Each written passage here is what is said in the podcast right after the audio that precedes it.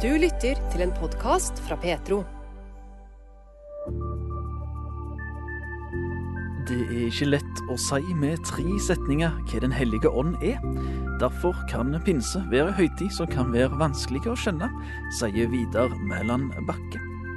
Etter 30 års pause vekkes musikkurset Concordia til live igjen for å styrke musikkmiljøene i norske menigheter og bedehus. Men årets festival blir ingen nostalgitripp, lover arrangøren. Og han lager musikk med tekster stort sett rett fra Bibelen. Stilen er hiphop, rap og reggae.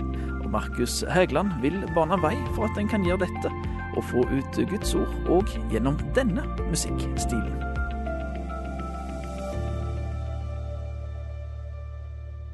Dette er noe av det du kan høre mer om i denne ukas Petro-uken oppsummert for uke 21. Vi skal òg få høre om ei lita fortelling fletta inn i den store fortellinga, om pinse.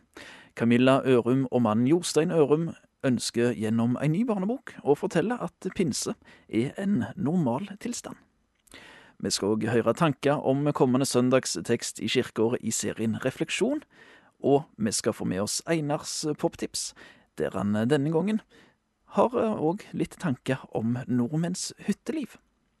Men først. Folk gjør erfaringer der de rett og slett ikke blir bra behandla, sier Tonje Haugeto Stang. Historiene har hun hørt fra folk sine opplevelser i menigheter. Og i et debattinnlegg i Dagen skriver forkynner, forfatter og foredragsholder Tonje Haugeto Stang om hva strenge regler og en streng kristendomsforståelse har gjort med menighetene i Norge, og ikke minst personene som opplever dette. Relasjonskompetansen, som kan forklares som sosiale ferdigheter, evne, kunnskap og holdninger, er i en del kristne sammenhenger skremmende lav, sier Tonje Haugeto Stang. For det første så må jeg si at jeg har, jeg har, reist i mange sammenhenger over veldig mange år. Og jeg møter jo mange hyggelige mennesker. Jeg møter fine fellesskap. Men erfaringen min er, både min egen og når jeg har snakka med mennesker over tid, så gjør jo folk dårlige erfaringer hvor de rett og slett ikke blir pent behandla. Det kan handle om at det er en konflikt som ikke blir tatt opp og fulgt opp. Folk blir litt tia i hjel. Det er Vi er ikke så flinke til å behandle hverandre pent, til å være lyttende, til å tenke at den historien jeg hører, kanskje ikke samsvarer med den historien som det mennesket har. Rett og slett å spørre hva er din egen versjon.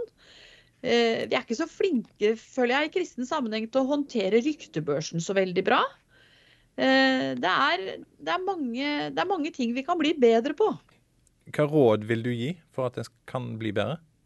Jeg tenker at vi må jobbe med det. Altså, dette handler jo noe om forkynnelsen vår. Jeg syns at vi i vår tid er veldig flinke til å si en del om hva vi er mot. Det kan hende at man bør bli bedre på å si hva vi er for. Og det handler også om å snakke om egen menighetskultur. Hvordan vil vi ha det hos oss? Og det er, det er klart at det, de som er ansvarlig for forkynnelsen, har et ansvar her for å sette dette på, på timeplanen. Men det er en utfordring for meg som menig menighetslem også å tenke hvordan kan jeg behandle mennesker, hva kan jeg bidra med? Og så fins det praktiske redskaper som kan hjelpe oss på disse tingene. Til Leiås-kursene f.eks. Til Leiås var veldig aktuelt på, på 90-tallet, så har det vært veldig stille rundt det. Men de er oppe og går igjen og tilbyr kurs til menigheter. Både i dette å lytte, si sannheten i kjærlighet, forandre tankene våre. Veldig nyttig. Og andre redskaper som kan hjelpe oss på det. Og så er det dette her. Noen opplever menigheten som den mest fantastiske plass å være, og en blir sett, og en eh, føler at her får en virkelig blomstre. Og så eh, sitter kanskje den på sida og, og, føler på stikk motsatt. Hvordan kan en på en måte få troverdighet i, i eh, hvordan menigheter oppleves, og snakke troverdig om det? Det er et svært spørsmål. Eh, det er jeg tenker jo at noe av det at noen opplever det fantastisk, og noen opplever at de strever, kan handle litt om hvordan vi er skrudd sammen. Noen blir veldig fort sett fordi de er veldig synlige og de tar plass. Andre mennesker eh, tar mindre plass, blir ikke så sett, blir kanskje oversett. Så det er jo noe med Dette er en del av hvordan vi behandler hverandre. Men så skal det ikke underslås at noen av de som har opplevd at menighet er den mest fantastiske plassen på jord, noen år etterpå sier at det var jo ikke det. Det var bare jeg som ikke så at det, at det ikke var sånn. Og når det da skjer noe, så eh, hvor, man, hvor sårbarheten kommer til syne, da. Den som fins i alle, alle, mennesker. Hvis den får et navn, holdt jeg på å si, det skjer et samlivsbrudd det er et barn som velger å gå bort fra menigheten. Altså, det kan være så veldig mange, mange ting som gjør at noen syns det er vanskelig å snakke om det. Vi mangler språk. Eh, vi tør ikke å spørre hverandre. Vi er alt fra beskjedne til likegyldige. Eh, og så er det Jeg merker sjøl jeg syns det har vært mye snakk de siste årene, kanskje er det bare der jeg har vært, om at menigheten er en familie. Og for det første så syns jeg det er et vanskelig begrep. For har, noen har veldig gode familierelasjoner og erfaringer, mens andre har ikke det. Så bare det å bruke ordet 'menigheten er en familie' er i seg sjøl en risikosport, tenker jeg. Men også dette med hva, hva betyr da å være en familie? Det handler jo om å støtte hverandre når ting er vanskelig, være til stede for hverandre, inkludere. Altså Når familien har et selskap, så vet du at du er velkommen.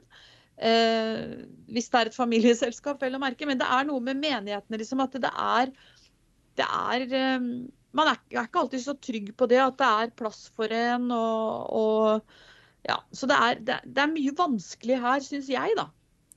Hvordan kan en legge til rette for at en kan ta tak i sånne ting som vi snakker om nå? Jeg tror jo veldig på det å ha smågrupper. Og ha smågrupper som da er åpne for å ta imot nye. Ehm, Sjøl eh, har jeg ansvar for en, for en, eh, huskirke hjemme. Ehm, og vi har fremdeles plass til flere og sier det. Her går det an å ta med en venn. Her, altså, dette er sånt litt fleksibelt, og åpent opplegg. Det er ikke en lukka gruppe, men jeg syns at veldig mange grupper blir veldig lukka. Og så er det dette at man finner hverandre i, i gjenger. Eh, som også er, skjer i menigheter og som skjer i samfunnet. Jeg flytta sjøl til, eh, til, et nytt sted. Vi prøvde å invitere noen på, på nyttårsaften, første året vi bodde der. Og da, da, det, da, svarte folk at det hadde vært hyggelig. Men vi har en fast gjeng som vi feirer nyttårsaften med hvert år. Og det var flere sånne faste gjenger. Og det er lov.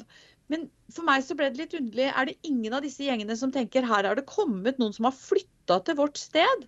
Og som ikke kjenner noen, kan vi da utvide vår gjeng? Jeg tenker det er, det er noen sånne Det handler for meg veldig mye om bevissthet for de møtepunktene utenom akkurat når vi møtes i kirken, da. Og så gjøres det bra ting på det. Middagsgrupper hvor man kan skrive seg på en liste enten fordi man vil ha middag eller vil arrangere middag. Og noen setter sammen grupper som da møtes i den forbindelse. Det er mange måter å gjøre det på, men det handler i min verden så handler det noe om hva vi forkynner, og så handler det om bevisstgjøring. Tonje Haugeto Stang er forkynner, forfatter og foredragsholder med mye erfaring fra Kristen-Norge. 9. mai hadde hun et eh, debattinnlegg på dagen.no med overskriften 'Troshistorier som ikke fortelles med varme'. Dette var et lite utdrag av et lengre intervju med Tonje Haugeto Stang, som du kan høre som podkast på petro.no, i appen Petro, eller der du lytter til podkast.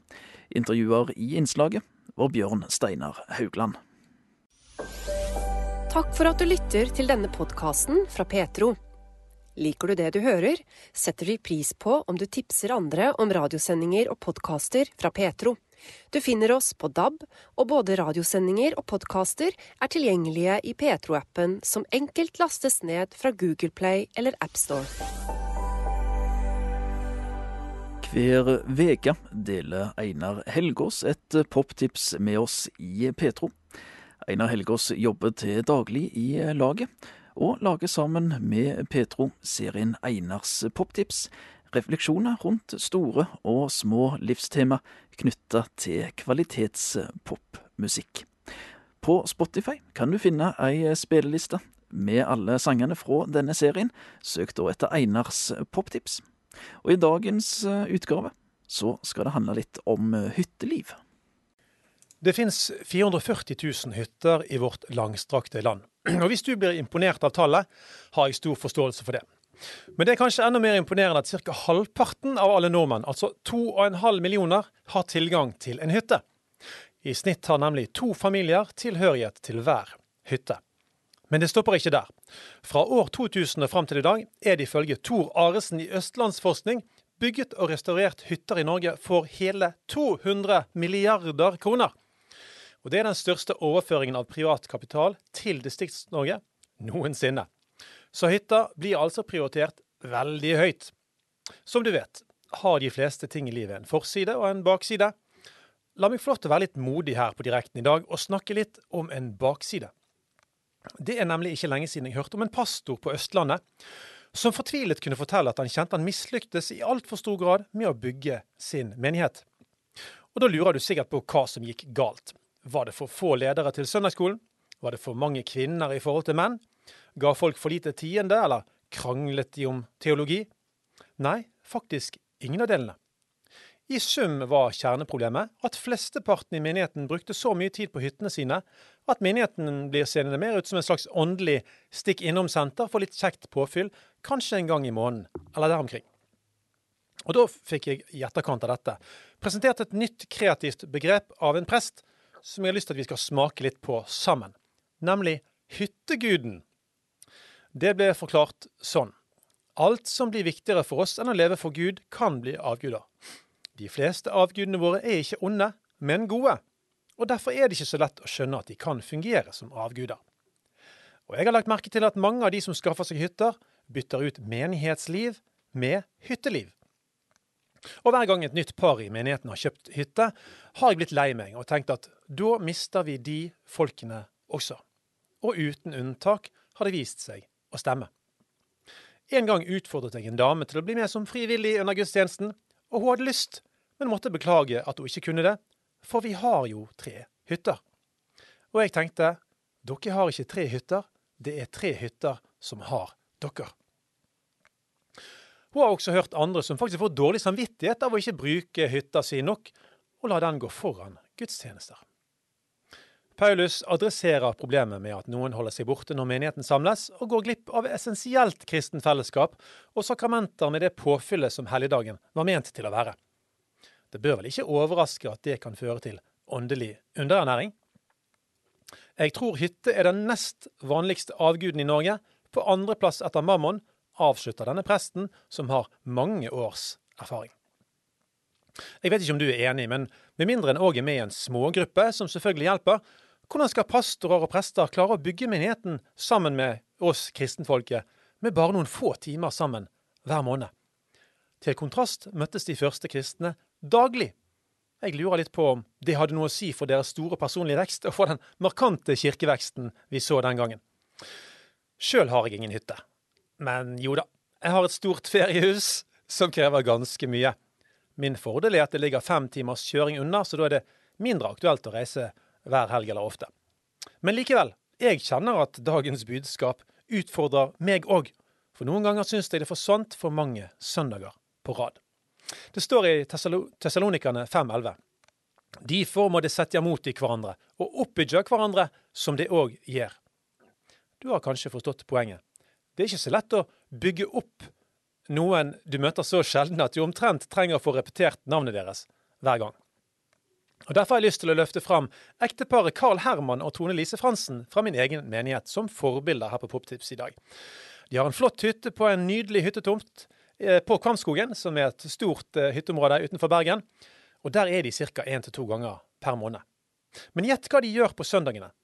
Vel, de avslutter på hytta tidlig, og møter smilende opp sammen med oss andre til gudstjeneste. Og de bidrar aktivt i tjeneste begge to, sånn at det å være Guds familie blir et stort samarbeidsprosjekt. Om de ofra noe? Ja, selvfølgelig, de kunne hatt en lang frokost med varme rundstykker og jus, før en lang fjelltur når de først var der oppe i fjellet. Men de prioriterer familien i menigheten foran dette. Det aktualiserer hebreerne 10.25, som sier La oss ikke holde oss borte når forsamlinga vår kommer sammen, som noen har for vane, men la oss sette imot i hverandre, og det er så mye mer som det ser dagen nærmer seg. Så det å samles som Guds folk er altså så viktig at vi skal sende hverandre meldinger ringe hverandre rope over gjerdene 'Håper vi snakkes på gudstjeneste på søndag'. Kanskje vi bør gjøre det mer? Tror du at det vil bidra til at færre folk forsvinner ut av menigheten uten at noen melder til de at de er savna? Dagens poptips burde selvfølgelig vært The Cabin med Ylvis. Men hadde jeg spilt den, ville nok de ærverdige Petro-kontoransatte benyttet anledning til å tråkke meg på tærne her, så i stedet blir det en flott sang av John Waller. Han er en dyktig amerikansk kristen singer-songwriter. Han har hele ti barn, står den. Men han synger om at alle tilber noe, og det tror jeg han har rett i. Men vi som er kristne, er verken kalt til å tilbe pengeguden Mammon eller hytteguden eller noen som helst annen gud, men vår gode Gud. Det kallet gjelder ikke bare gudstjenester, men 24 timer hver dag, syv dager i uken. Så må både du og jeg ransake våre egne liv i forhold til hvordan dette ser ut målt opp mot budskapet fra Bibelen som vi i dag har sett på.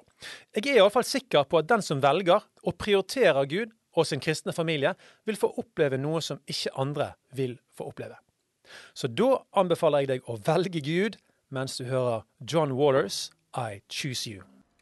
Einar Helgaas jobber til daglig i laget, og lager sammen med Petro denne serien Einars poptips. Denne veka så var det John Waller med sangen I Choose You som var poptipset. Spillelista med alle sangene det kan du finne på Spotify dersom du søker etter Einars poptips. Petro har mange ulike podkaster og serier. Samlivsskolen gir råd og tips til par. I Pastoren og Journalisten prøver vi å finne ut hvorfor mange unge forlater menigheten i overgangen til voksenlivet. Og i Petro-gjesten får du høre livs- og troshistorien til en lang rekke spennende mennesker. Ekte og ærlig. Du finner alt i Petro-appen, på petro.no, eller der du ellers lytter til podkaster. Jeg tror kanskje David rapper noen av salmene, sier Markus Hægland. Han brenner for å dele Guds ord med de han møter, og gjennom rapp og hiphop. Før han møtte Jesus, så var han søkende, og opplevde mye mørke. Du må gjennom Jesus for å komme til Gud. Det er ingen andre vei. Eh, men, men av å oppleve det onde og se det fæle, og, og ha det de kaller gjerne uh, åndelige briller til å se all, all den symbolikk og ondskapen som djevelen bruker her på jorda, spesielt i musikkindustrien, hvor mm. stor influens uh, djevelen har hatt der, så har jeg prøvd å være der motvekten til å komme med det sanne lyset og være kraftig salt uh, med, med å forkynne Guds ord. Ja, for du brenner for å fortelle andre om Jesus, også gjennom musikken. 27. mai så gir du ut 14 nye sanger i sjanger hiphop, rap, reggae. Mm. En blanding. Nå er det altså evangeliske tekster i sangene dine. Kan du fortelle om musikken, hvordan det begynte og hva du har drevet med, og hvorfor, hvorfor er det nå evangeliet du formidler? Jeg begynte tidlig, faktisk. Jeg så på det. Åpningen av eh, Stavanger konserthus i 2012. Da var jeg med på et skrivekurs med Atlars, og fikk framføre da den sjølskrevne teksten. Jeg tror jeg var 14 år gammel da. Og, det ga mersmak. Jeg eh, lagde litt musikk nede på gutterommet. Men eh, trening, kampsport, eh, det å gå rundt, være med venner, fest Altså, det ble Det tok eh, over, da, at jeg ikke holdt på med musikken. Mm. Um, så var det jeg hadde jobb i olja. Hadde en god inntekt og på en måte skulle finne ut av ting. Så kom covid. Da var det jo veldig mange som frykta, og, og da hadde jeg akkurat òg starta min, min, reise med Gud. Og forstått liksom hvem, hvem, Gud jeg tror på. Han la utrolig mye på hjertet mitt. Og jeg spurte vel òg hva kan jeg gjøre med dette, og da fikk jeg en tanke da at musikk kan jo nå ut til mange. Og det er en kreativ måte å få ut det jeg har på hjertet. Så da flytta jeg til Moi, en liten plass her før Egersund. Og der var det musikkstudio eh, i kjelleren til, til, kompisen min, Adrian. Eh, så der fikk jeg skrevet og bare jobbet kreativt og fritt. Og en sang ble til fire, og fire ble til et album eh, som jeg da ga ut. Hvor jeg begynte egentlig med å fortelle litt om min åndelige reise det går en rød tråd gjennom hele det albumet. Allting eh, heter albumet. Og den røde tråden, det, det peker jo på, på korset og på Gud og, og, på frelsen. Så da har jeg lagd en del singler og vært med på en del prosjekter og sånt etter det. Men så fikk jeg mer på hjertet jeg vil være enda sterkere i, i, i, det jeg forkynner gjennom musikken. Jeg begynte kanskje faktisk i slutten av 2021 med de første tekstene som er på dette albumet. Og, så det har vært en lang prosess. Ikke for at jeg er så, så utrolig sein med å jobbe, for jeg jobber raskt og, og bra, men det har vært mye motstand. Motstanderen har ikke Står djevelen. Han har ikke likt det jeg har holdt på med.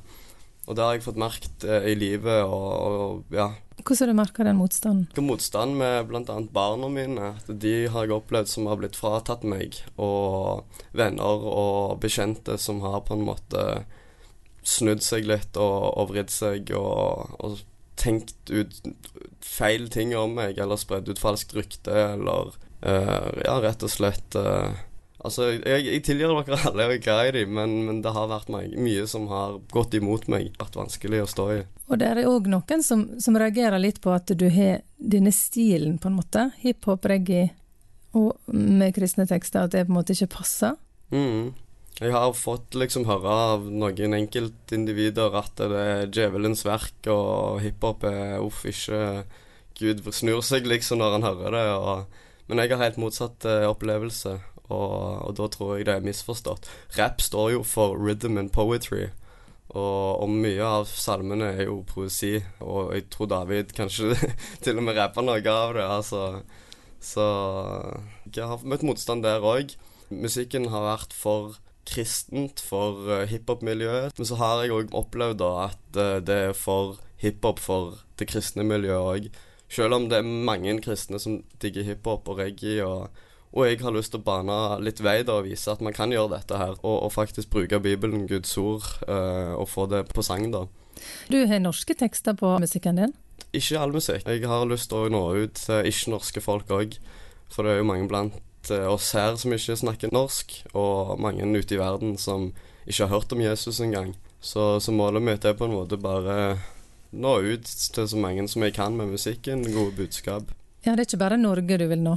Nei, jeg vil nå enhver søster og bror i enhver krik og krok. Det sa Markus Hægland.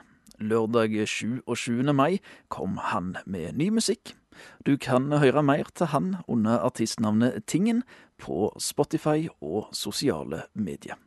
Og mer av Markus Hægland sin historie kan du høre som Petro-gjesten.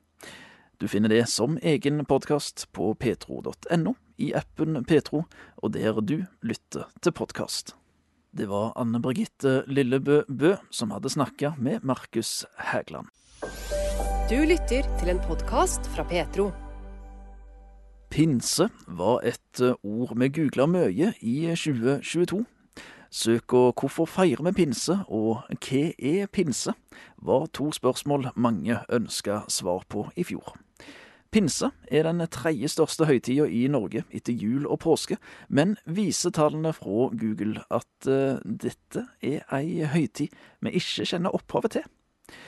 Vidar Mæland Bakke er prest i Den norske kirke i bymenigheten Sandnes, og han er òg Petro-prest. Og vi spurte han om hva er pinse? Det er ikke så lett å komme med sånne tre setninger om hva Den hellige ånd er, og kanskje det har gjort at uh, veien inn er litt lengre, både for uh, prester og trosopplærere til å få forklart. Uh, og kanskje også vi merker også at kristendomsundervisningen er borte fra skolen, sånn at det er flere flere, flere, som kanskje kan gå gjennom, og så får de med seg noen highlights. Men akkurat pinsen, den kom de aldri til, liksom.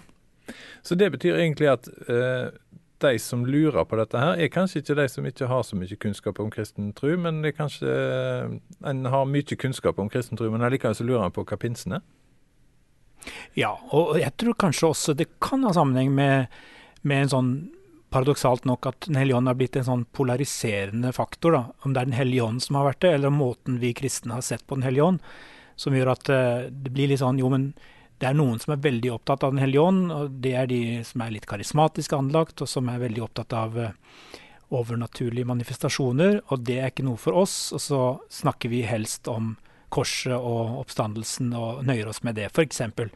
Mens uh, i den kristne tradisjonen så har det jo måte ikke vært et enten-eller. Uh, og der syns jeg kanskje vi kunne være litt frisk, frimodige, vi som står midt i kirkelandskapet, og si at jo da, selvfølgelig Den bringer veldig mye av dette som er spesielt med overnaturlige kraftgjerninger. Og det gjør han jammen meg fortsatt, hvis du først ser etter. Og han samler mennesker, sånn som han gjør nede på Vigeland. Det er tegn i tida som viser at eh, det skjer ting som er utenom det vanlige. Og så er det også sånn at Den hellige ånd handler i det som er eh, veldig lett tilgjengelig, nemlig at han, har, at han, bringer frelsen til oss. Da. Eh, det Jesus gjort på korset, det bringer han til oss gjennom Bibelens ord eh, og dåpen og nattverden, For vi har lært i vår lutherske tradisjon, at, at, det er midlene som kommer til oss. Og da trenger du faktisk ikke noe som helst magi eh, utover det å bare dyppe barnet i vannet og lese fram disse ordene, så, så bringes frelsen av Den hellige ånd til oss. Så enkelt, på en måte. Det er òg pinse. Så må vi kanskje gi en, bare en liten sånn kort innføring i det som skjer på Vigeland, når vi sier det. Altså Det var et, eh, et bedehus som eh, hadde 20-30 stykk på møte. Og, 15. 15 stykker. 15 stykker. Og nå, eh, sist helg, så, så, inviterte de til møte, og da i en idrettshall der det var plass til over 1500 eller 1700. Mm. Eh, mm det som skjer der, er ikke så godt å forklare hva som gjør at folk eh, plutselig har eh, behov for å komme og, og få med seg de møtene. Er det Den hellige ånd altså, som gjør ting som ikke helt eh, skjønner hva er det som skjer?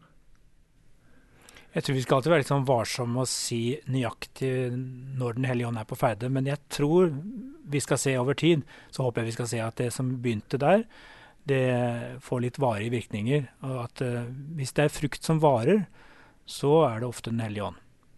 Så dette er egentlig ei litt vanskelig høgtid for, for kristne òg, dette her, å egentlig få taket på? Ja, jeg tror på en måte det. Vi skal ikke gjøre det for vanskelig. Jeg, jeg, tror kanskje noe av det som gjør det vanskelig, er jo det at vi lever i en sånn veldig akademisk opplyst uh, virkelighet. Det er ikke så vanskelig å gripe Den hellige ånd i, uh, i deler av verden hvor man ikke nødvendigvis uh, Alt må gå gjennom hodet, da. Eh, for å ta imot eh, Nå tenker jeg at det er noen motsetning mellom tro og vitenskap og tanke og tro. Men eh, noen ganger så tror jeg nok at for oss her i Vesten og Europa og sånn, så kan det med Den hellige ånd rett og slett bli litt for ja, for mystisk og overnaturlig. Mens det faller mye mer naturlig i, i andre kulturer. Og da glir Den hellige ånd budskapet også lettere inn som en del av evangeliseringen, f.eks. Men, men, Går det an å snakke om pinse eh, og pinsebudskapet til, til HV, sånn at vi på en måte forstår det intellektuelt? Altså, det er jo det jeg kommer til å forsøke å gjøre på søndag. Eh, litt fordi at eh, jeg tror jo at eh, det er det som er målgruppa mi, da. De som sitter og hører på hos meg. Om jeg skulle ønsket at det var alle mulige slags folk, så er det stort sett folk med til dels høy utdanning i en eh, velferdsstat der vi kan mye og vet mye. Og da må vi kanskje forsøke å forklare Den hellige ånd også sånn at tanken kan akseptere noe av det. Og så er det likevel et eller annet sted underveis som en sier dette må vi bare ta imot i tro, som et barn. Og da kan det også hende at Den hellige ånd eh, virker i oss på veldig overraskende vis. Eh, og, det, og som ikke alltid kan forklares til punkt og prikke. Da. Så en dobbelthet her, kanskje. Vidar Mæland Bakke er prest i bymenigheten Sandnes, en valgmenighet i Den norske kirke, og han er òg Petro-presten. Du kan finne flere podkaster fra han under navnet Petro-presten på petro.no, i appen Petro og der du lytter til podkast. Intervjuer i innslaget var Bjørn Steinar Haugland. Takk for at du lytter til denne podkasten fra Petro. Liker du det du hører, setter vi pris på om du tipser andre om radiosendinger og podkaster fra Petro. Du finner oss på DAB, og både radiosendinger og podkaster er tilgjengelige i Petro-appen, som enkelt lastes ned fra Google Play eller AppStore. Vinden er usynlig, og den kan være veldig sterk. Kan den hjelpe en katt med å fly? Katten Samson forsøker å braklande med en god idé. Superkraft, det er det jeg skulle hatt. Fins det? spør eselet Isak. De to vennene bestemmer seg for å leite. Kraften de finner er supersterk, men den virker ikke helt som de hadde tenkt. Eselet og superkraften er ei ny barnebok fra ekteparet Jostein og Camilla Ørum, Jostein Ørum er teologisk rådgiver, og kona Camilla er lærer og menighetspedagog. Og dette er den tredje boka de står for i lag. Og denne gangen ble det altså ei bok om pinse. Det er eh, fordi vi trenger det. Fordi at den pinsefortellingen trenger å eh, fortelles igjen. Dette er tredje barneboka, som du sa. Det er det andre bare om eh, eselet. Vi har vært litt opptatt av å ha, måtte fortelle bibelhistorie gjennom dyrs øyne. Og da begynte vi med påske. Og så Da hadde vi et esel på palmesøndag, så uten å røpe altfor mye mer. Og så måtte vi ha noe dyr til julefortellingen, og da, det, da fant vi ikke noe esel som vi, som vi, vet var der, som står om i Bibelen, så da ble det noen noe sauer som vi har lest om juleevangeliet. Og så nå var det pinse, så da tenkte vi at eh, pinse er jo ikke så lenge etter påske, så kanskje samme eselet som var der i påsken, kanskje var der i, i, pinsen også, noen få uker etterpå. Det tror vi faktisk. Helt sikkert. Men hvorfor fortelle gjennom dyr sine øyne, på en måte, Camilla? Det er jo Jeg tror barn har mye lettere for å eh, sette seg inn i eh, karakterer, i dyrekarakterene. De kjenner seg på en måte litt igjen i det der å ikke forstå alt sammen. og ikke være så voksen og smart. Så jeg tror det, det blir jo ofte brukt eh, dyr i barnefortellinger, og det jeg tror det, er en av grunnene at det er lettere for barn å, å leve seg inn i um, dyras liv. da. Og du er jo illustratør i denne boka. Dette her er din lidenskap å tegne? Ja, det har jeg gjort uh, siden jeg var alltid å tegne. Og jeg syns det er veldig gøy å lage historier og, og karakterer. Men jeg, jeg liker alt altså, å skape med hendene eh, og male. Og, så det har alltid vært en lidenskap. Og så er det jo ekstra gøy når det blir noe som noen eh, kan bruke til noe. Når det blir noe som kan bli noe av. Hvordan er det å lage bok i lag med mannen din, Jostein? det er for det meste gøy, og så kan det være litt uh, irriterende innimellom. Hvis jeg har tegnet en tegning som jeg er ganske fornøyd med, og holdt på en hel dag, ikke sant? og så, så kommer jeg, så er han ikke fornøyd. Så kanskje han syns at uh, vi skulle gjort noe annet, eller at det var feil uttrykk. Eller så, da kan det bli litt uh, dårlig stemning. Men så er vi jo litt sånn Så tar jeg igjen litt med å ikke være alltid like fornøyd med det han skriver, da. Så. Men jeg tror at vi blir jo bedre av det. Jeg merker jo det når jeg, ja, når jeg får liksom tygd i meg litt sånn irritasjon og sinne, og så faktisk gjør den endringen, Da det, går den ekstra veien, så blir det jo bedre. Det blir jo en bedre bok fordi vi er to, tror jeg. Du tegner og han skriver. Er det liksom klare skillelinjer, eller sier du egentlig at dere påvirker hverandre litt? Det er vel litt klare skillelinjer kanskje med tegninger, for det, det gjør jo Camilla. Ja. Og så, så, skriver, så, så, fortellingene er vel litt mer at vi blir, blir, til sammen. Og så er det jeg som fører de pennen og kanskje skriver ned et forslag. og så, så det jobber vi med mye, å kna på sammen. Også. Men tegningene det, det ligger jeg unna. Men jeg kan jo mene jeg, jeg mener jo litt da, om fargene og liksom, var det det vi ville si med denne tegningen og sånn. Så så jeg føler at det er sånn ganske bra samarbeid. Jeg føler det. Ja. Litt sånn bilturer og sånn er fint for å utvikle en historie. Kommer vi på en god setning, og så må vi ta det opp på telefonen også. Vi skal litt tilbake til hva boka handler om, men først så vil jeg bare snakke litt mer om pinse. For det er faktisk et av de ordene som blir mest googla. Hvorfor det, tror du, Jostein? Fordi litt sånn uvitenhet. Det er jo ikke så salgbar eh, historie, kanskje, hvis du sammenligner det med jul og påske. Det er ikke, det er ikke så enkelt enkle fortellinger å presentere, eller sette opp i en sånn julekrybbe på et kjøpesenter, eller mm. eh, lage, lage sånn kommersielle produkter i butikkene, eller For det, det er et eller annet sånn underkommunisert Um, og så er det ikke så lett å sette ord på det heller, da. Altså hva er det? Altså det er en kraft. Vi tror på en kraft, og vi tror at Gud alltid er med oss. og det er, det er, et eller annet med hele pinsekonseptet som er eh, kanskje et hakk eller to vanskeligere å kommunisere sånn ved første øyekast, i hvert fall. Hva vil du si da, hvorfor er pinse viktig? Det har vi lyst til å si noe om med boka. tror At pinse ikke er noe sånn overnaturlig, men pinse er naturlig. At pinse er en sånn normaltilstand. Og derfor må vi si det. For jeg tror det er lett, siden vi har stort sett bare den ene fortellingen med ildtunger og så masse rare språk og sånn. og det, det blir fort at vi kan sette et sånt stempel med overnaturlig på det. Men eh, jeg håper at vårt bitte lille bidrag i formidlingen av pinse kan gjøre at det blir sånn, mer sånn naturlig. Folk kan få litt naturlig forhold til det. Jeg vil si at altså, Det som skjer i pinsen, er da normaltilstanden for, for den som tror på Gud eh, etter det. da. At Gud er med oss hver dag, og vi kan regne med det. Selv om vi ikke ser det, så er så, så Gud er hos oss som en kraft, som en retning, som en kompassnål, som en venn, som hjelp. Som, som alt dette, da. I denne boka som dere lager, så heter det 'Eselet og superkraften'. Fortell om boka. Det er jo den her katten som heter Samson. Han, eh, det blåser veldig den dagen. Han, han blir inspirert til å prøve å fly. Og det får han eh, ikke til. Så de tenker ja, han må ha en superkraft, han må ha noe mer liksom, for å få til å fly. Og da er liksom avsparket til å dra innover. De skal dra til byen for å se om de kan, om de kan få tak i en superkraft. Da. Kanskje de har det i byen, der har de alt. Så blir det forviklinger på veien, og eselet roter seg bort og føler seg veldig alene.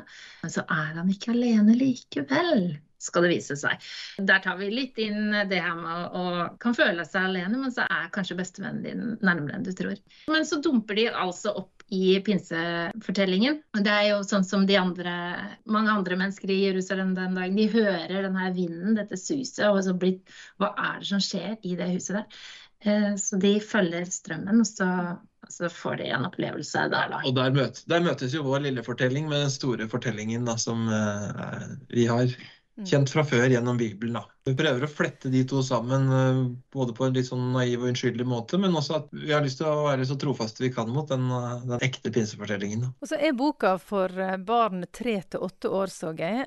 Kan den passe for andre også? Vi håper at det er noe for de voksne som leser også. Jeg, tror tre til åtte år det er en veldig fin aldersgruppe for den boka. Det kan kanskje litt eldre òg, tror jeg kan ha glede av den. Ja, vi tror jo det at det ligger noen sånne av de der pinsetemaene som Bibelen bruker når den eh, sier noe om ånden. og sånn. Så vi har jo noe av disse tingene som ligger der, som ligger kanskje på et lag dypere enn en fireåring vil se. Som kanskje den voksne vil fange opp. og Om det kan bli noen samtaler av det i møte med barna, det, det vet vi jo ikke. Men vi håper at i hvert fall fortellingen kan bli lest barn som sitter på et fang eller ligger på en, på en sengekant. Så, så, vi tror at det ligger noen lag under her også som uh... Pinse er jo liksom startskuddet for kirka på jorden. altså Det er jo òg med en brann som starter der. Det sa Camilla Ørum, som er illustratør i boka 'Eselet og superkraften', som nettopp nå har kommet ut på Lunde forlag. Du hørte òg Jostein Ørum, som har skrevet fortellinga. Og det var Anne Birgitte Lillebø Bø som intervjua deg. Du lytter til en podkast fra Petro. Concordia var i mange tiår navnet på både et noteforlag, et tidsskrift og ikke minst årlige sommerkurs med mål om å styrke sang- og musikkmiljøene i Bedehus-Norge. Nå, etter 30 års pause, vekkes Concordia til live igjen i form av en ny sang- og musikkfestival i slutten av juli. Målet er å være et samlingssted som inspirerer og dyktiggjør folk i alle funksjoner som trengs for å ha et levende musikkmiljø i menigheten anno 2023. Marianne Juvik Sæbø er en av de som er med i arrangørkomiteen. Det handler om flere ting. Det handler om både, eh, tenker jeg da, at eh, kristen sang og musikk det er jo noe vi gjør både til eh, glede og inspirasjon for andre, men ikke minst til Guds ære.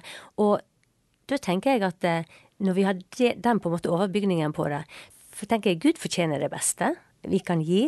Og så tenker jeg òg det er jo mye kjekkere òg å spille, synge sanger når du har litt overskudd, og du klarer å krydre det og få det finere og finere. Eh, ikke fordi du skal vise det fram, men fordi at eh, det skal være til oppbyggelse for andre. og til Guds ære. Hvorfor tenker eh, du og, og Concordia da, at, det er verdt å legge krefter i å eh, elske fram eh, musikk i, musikkbruk i, i, menigheter, bedehus og forsamlinger rundt forbi? Musikken har alltid vært en viktig del eh, når mennesker samles.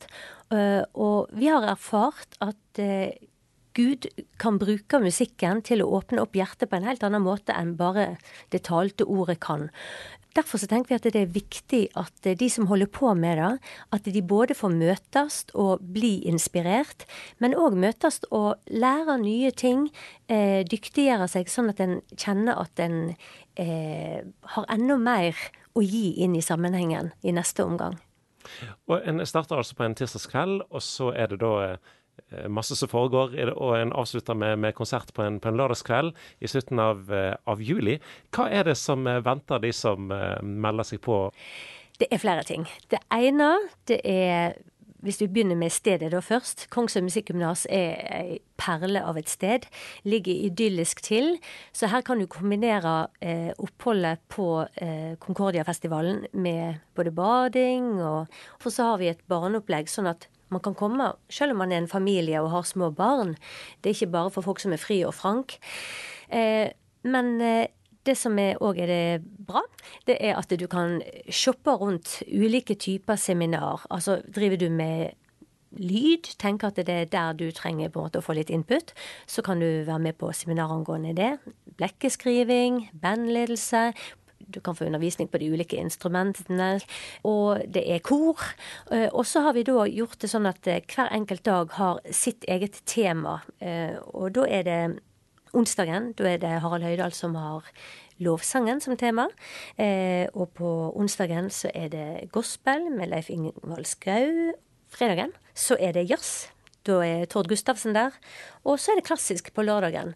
Men her får man altså mulighet til å velge litt hvor man har lyst å fordype seg. Hva, hva trenger jeg eh, for å komme hjem igjen der jeg hører til, og eh, være inspirert og ha lært noe nytt og være vitamininnsprøytning inn i sammenhengen. Concordia har jo en, en, en lang tradisjon. Ble starta etter andre verdenskrig, hvis jeg husker riktig. Eh, nå kaller en det festival. Mm. Men du sjøl har jo vært med på et Concordia-kurs eh, da før det ble eh, lagt på is for 30 år siden. Hvordan mm. var den opplevelsen? Hva husker du? Det jeg husker, det var at det var en utrolig inspirerende og kjekk opplevelse å være der. Masse ny musikk som, eh, jeg, altså, som jeg ble presentert for. Sanger, nye sanger som jeg lærte, og som jeg tok med meg hjem og kunne bruke. Men òg eh, det sosiale. Jeg ble kjent med så mange flotte folk, og det var så kjekt å være i lag. Og de der samtalene som var imellom eh, seminarene og, og undervisningen de samtalene var kanskje noe av det mest verdifulle, for det, det satte tanker i sving hos meg. Var gjerne med på å bevisstgjøre hvem er jeg, hva vil jeg med musikken. Eh, du har jo da hatt, hatt gode erfaringer eh, med Concordia-kurs i gamle dager. Eh, og jeg vet at det er flere som er med på noe på arrangørsiden som, som var med den gangen og har, har gode minner fra det. Men, men det, skal en prøve å gjenskape noe som en gang var? Altså, er det en nostalgitripp, dette her? Nei, det er ingen nostalgitripp. Eh, og det er for at det er så mye som har forandra seg siden den gang. Så vi har endra det til hva er behovene i dag. Og jeg håper og tror at vi har truffet i forhold til hva, eh, hva som rører seg ute i forsamlingene, og hva som er behovene der. For det viser seg jo ofte når man kommer på eh, et nytt sted, så har de kanskje et bra anlegg, men de har kanskje ingen som kan styre denne lyden sant, og kan betjene dette anlegget.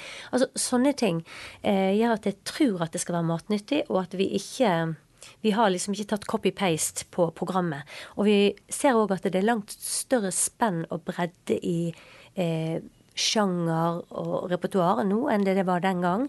Så derfor så har vi òg liksom latt hver dag få et nytt tema. Og hva det blir neste år, det vil jo erfaringene fra dette året legge føringer for. sant?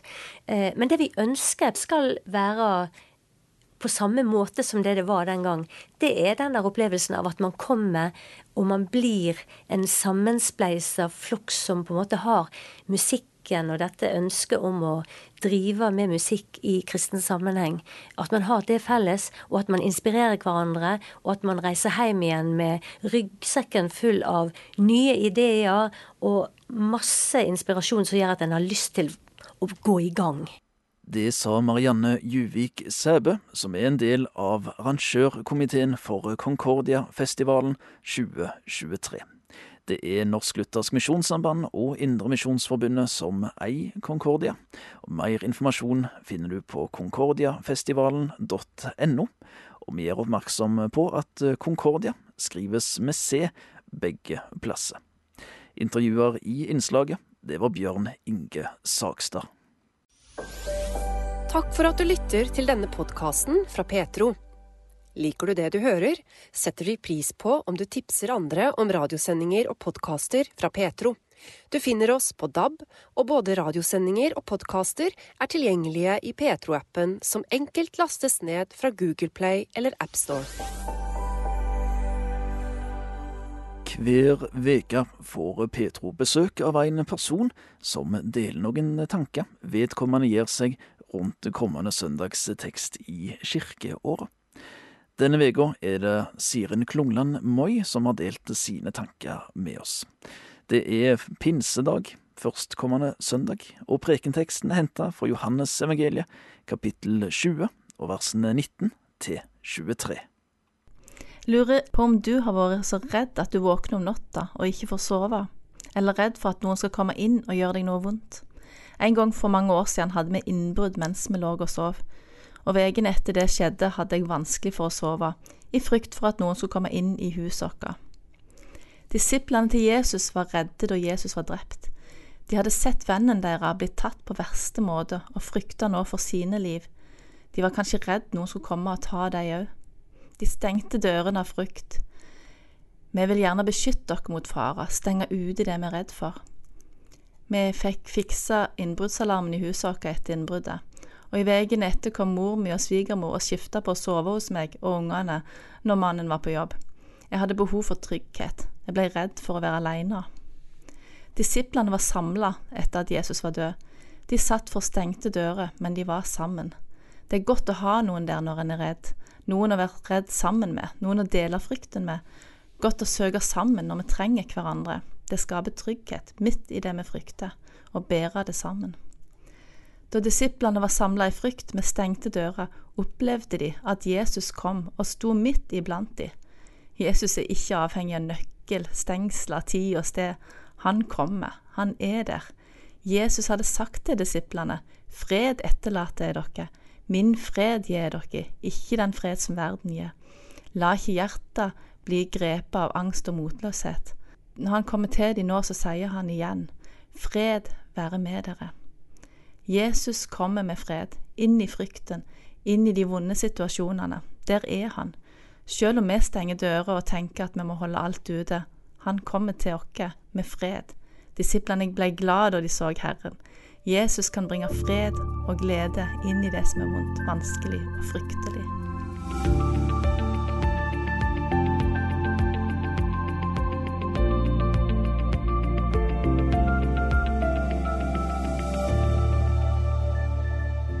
Dag tenker jeg på livets pust.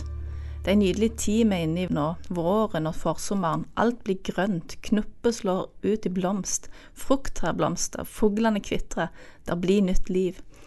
Vi kan takke for regn som har gitt jorda vann, og sol som gir varme, og mennesker som er sådd og dyrka fram, sånn at nytt liv kan få vokse opp. Gud former mannen av jord fra marka, og blåste livspust i hans nese, står det i en av lesetekstene til denne søndagen. Mannen ble en levende skapning av Guds ånd. Når vi nå skal feire pinse, er det jo det som skjer igjen, at Gud sender sin ånd, som blåses inn i menneskene og gir en ny kraft. Vi får liv når vi lar Gud puste på oss med sin ånd, nytt liv, et liv med Guds kraft. Jeg har en orkidé hjemme som var død. Den så iallfall veldig død ut, men så satte jeg den i kjelleren, og plutselig så spirte den igjen og fikk nye blomster og jeg tok den opp i kjøkkenvinduet. Prøvde å tørre å rette den opp, men da knakk ei av greinene. Men likevel kom det masse blomster på den, til og med på den knekte greina. Den fikk nytt liv, og den er nydelig. Det er Gud som har skapt alt liv, og som kan gi nytt liv. Han ønsker å puste liv i oss mennesker, selv om vi kan føle oss visne, kanskje slitne og kraftløse, til og med knekte. Gud kan gi oss liv med kraft, et liv som kan blomstre. Jeg vil gjerne bli pusta på med nytt liv og ny kraft, med Guds ånd, og jeg vil be. Kom, Hellige Ånd, kom nå med din kraft. Fall over oss, la ditt rike komme ned. Kom, Hellige Ånd, du som setter fri. Fyll oss på ny med legedom og fred.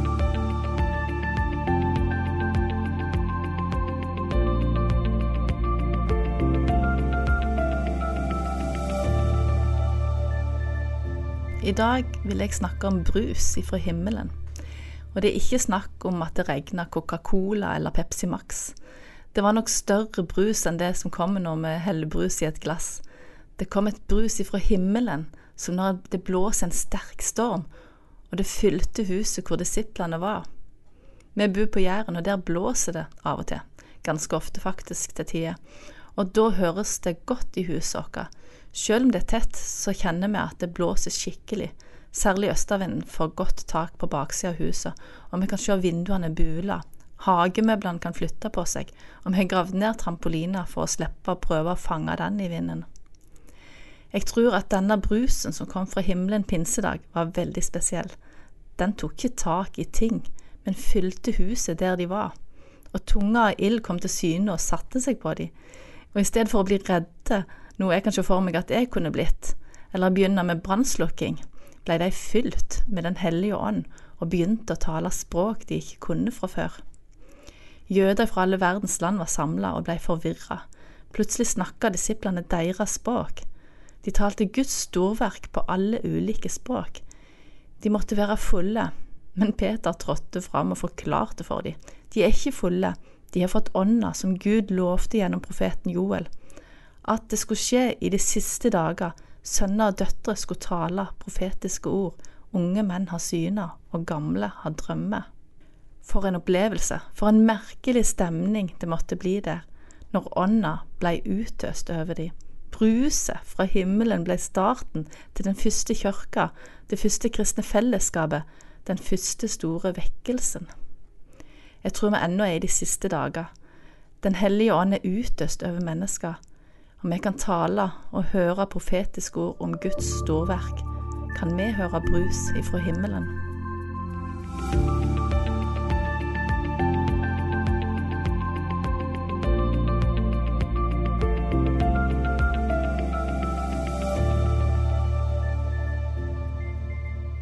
I dag har jeg reflektert over Guds storverk. Vi har verdens syv underverker. Menneskeskapte byggverk som pyramide, hage, koloss, mausoleum, tempel og fyrtårn. Store, mektige verk som mennesker har bygd. Mange drar nok verden rundt for å få se disse underverkene. Men hvem kan nevne alle Herrens storverk, står det i Salmenes bok.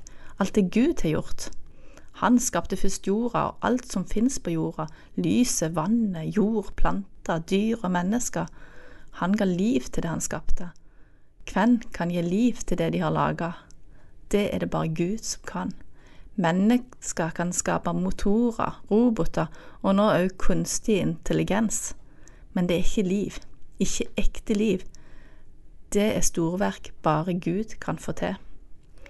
Og vi kan ikke dra langt og vi må ikke dra langt for å se det. Vi kan se på oss sjøl. Løft hånda eller foten, eller slikk til grunn munnen. Kjenn at du lever. Se ut av vinduet, gresset gror og sola skinner.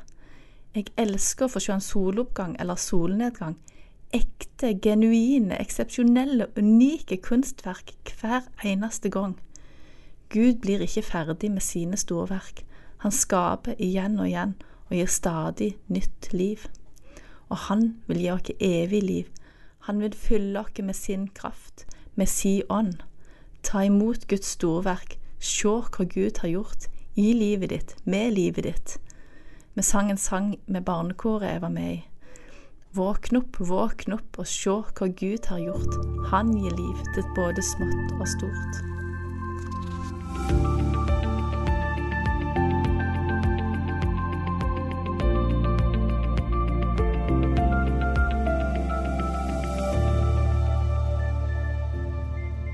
Jeg kan best norsk. Det er mitt morsmål. Engelsk kan jeg òg ganske godt, etter å ha lært det på skolen siden fjerde klasse og bodd i USA noen år. Jeg har òg lært både tysk og fransk på skolen, og øver meg nå på spansk på duolingo for å forstå litt av leksene til minstemann som valgte spansk som valgfag. Og så har jeg faktisk et 16 timers kurs i mandarin kinesisk, noe jeg husker lite av, og som var vanskelig for tunga mi å få rett tonefall på. Men jeg syns det er interessant å lytte til folk som snakker andre språk som jeg ikke kan. Prøve om jeg kan forstå noe av det de sier. Når mine syriske venner snakker sammen, syns jeg de er gode som klarer å forstå hverandre. Og jeg har noen venner fra Hellas som lånte PC-en min en gang, og tastaturet ble helt gresk for meg, bokstavelig talt. Sånn er det med språk vi ikke kan, vi forstår det ikke, det blir lyder og tegn uten mening for oss. Det bodde fromme jøder fra alle verdens land i Jerusalem. De var jøder eller hadde gått over til jødedommen og flytta derifra Roma, kretere og arabere og fra mange ulike land med ulike språk. Og så hører de plutselig disiplene tale på deres tungemål. De kunne forstå hva de sa. For det Gud vil at vi skal forstå. Han vil at alle skal få høre hans storverk, hva han har gjort. Og nå leser jeg at Bibelen er oversagt til ca. 5000 språk, men at det fremdeles er 2000 som mangler Guds ord på sitt eget språk.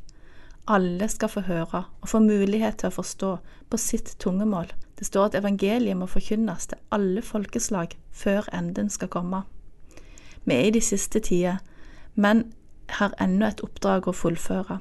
Jesus ba disiplene gå ut til alle folkeslag og gjøre de til disipler.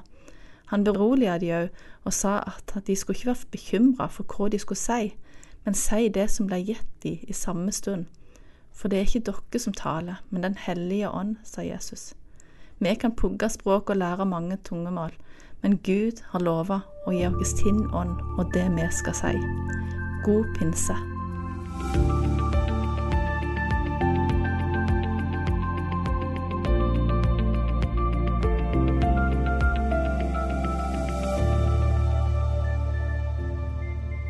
Det var Siren Klungland Moi som delte tanker med oss i serien Refleksjon. Det er pinsedag førstkommende søndag, og prekenteksten er henta fra Johannes evangeliet, kapittel 20, vers 19 til 23. Du har lyttet til en podkast fra Petro. Du finner mer i Petro-appen, på petro.no, eller der du ellers lytter til podkaster.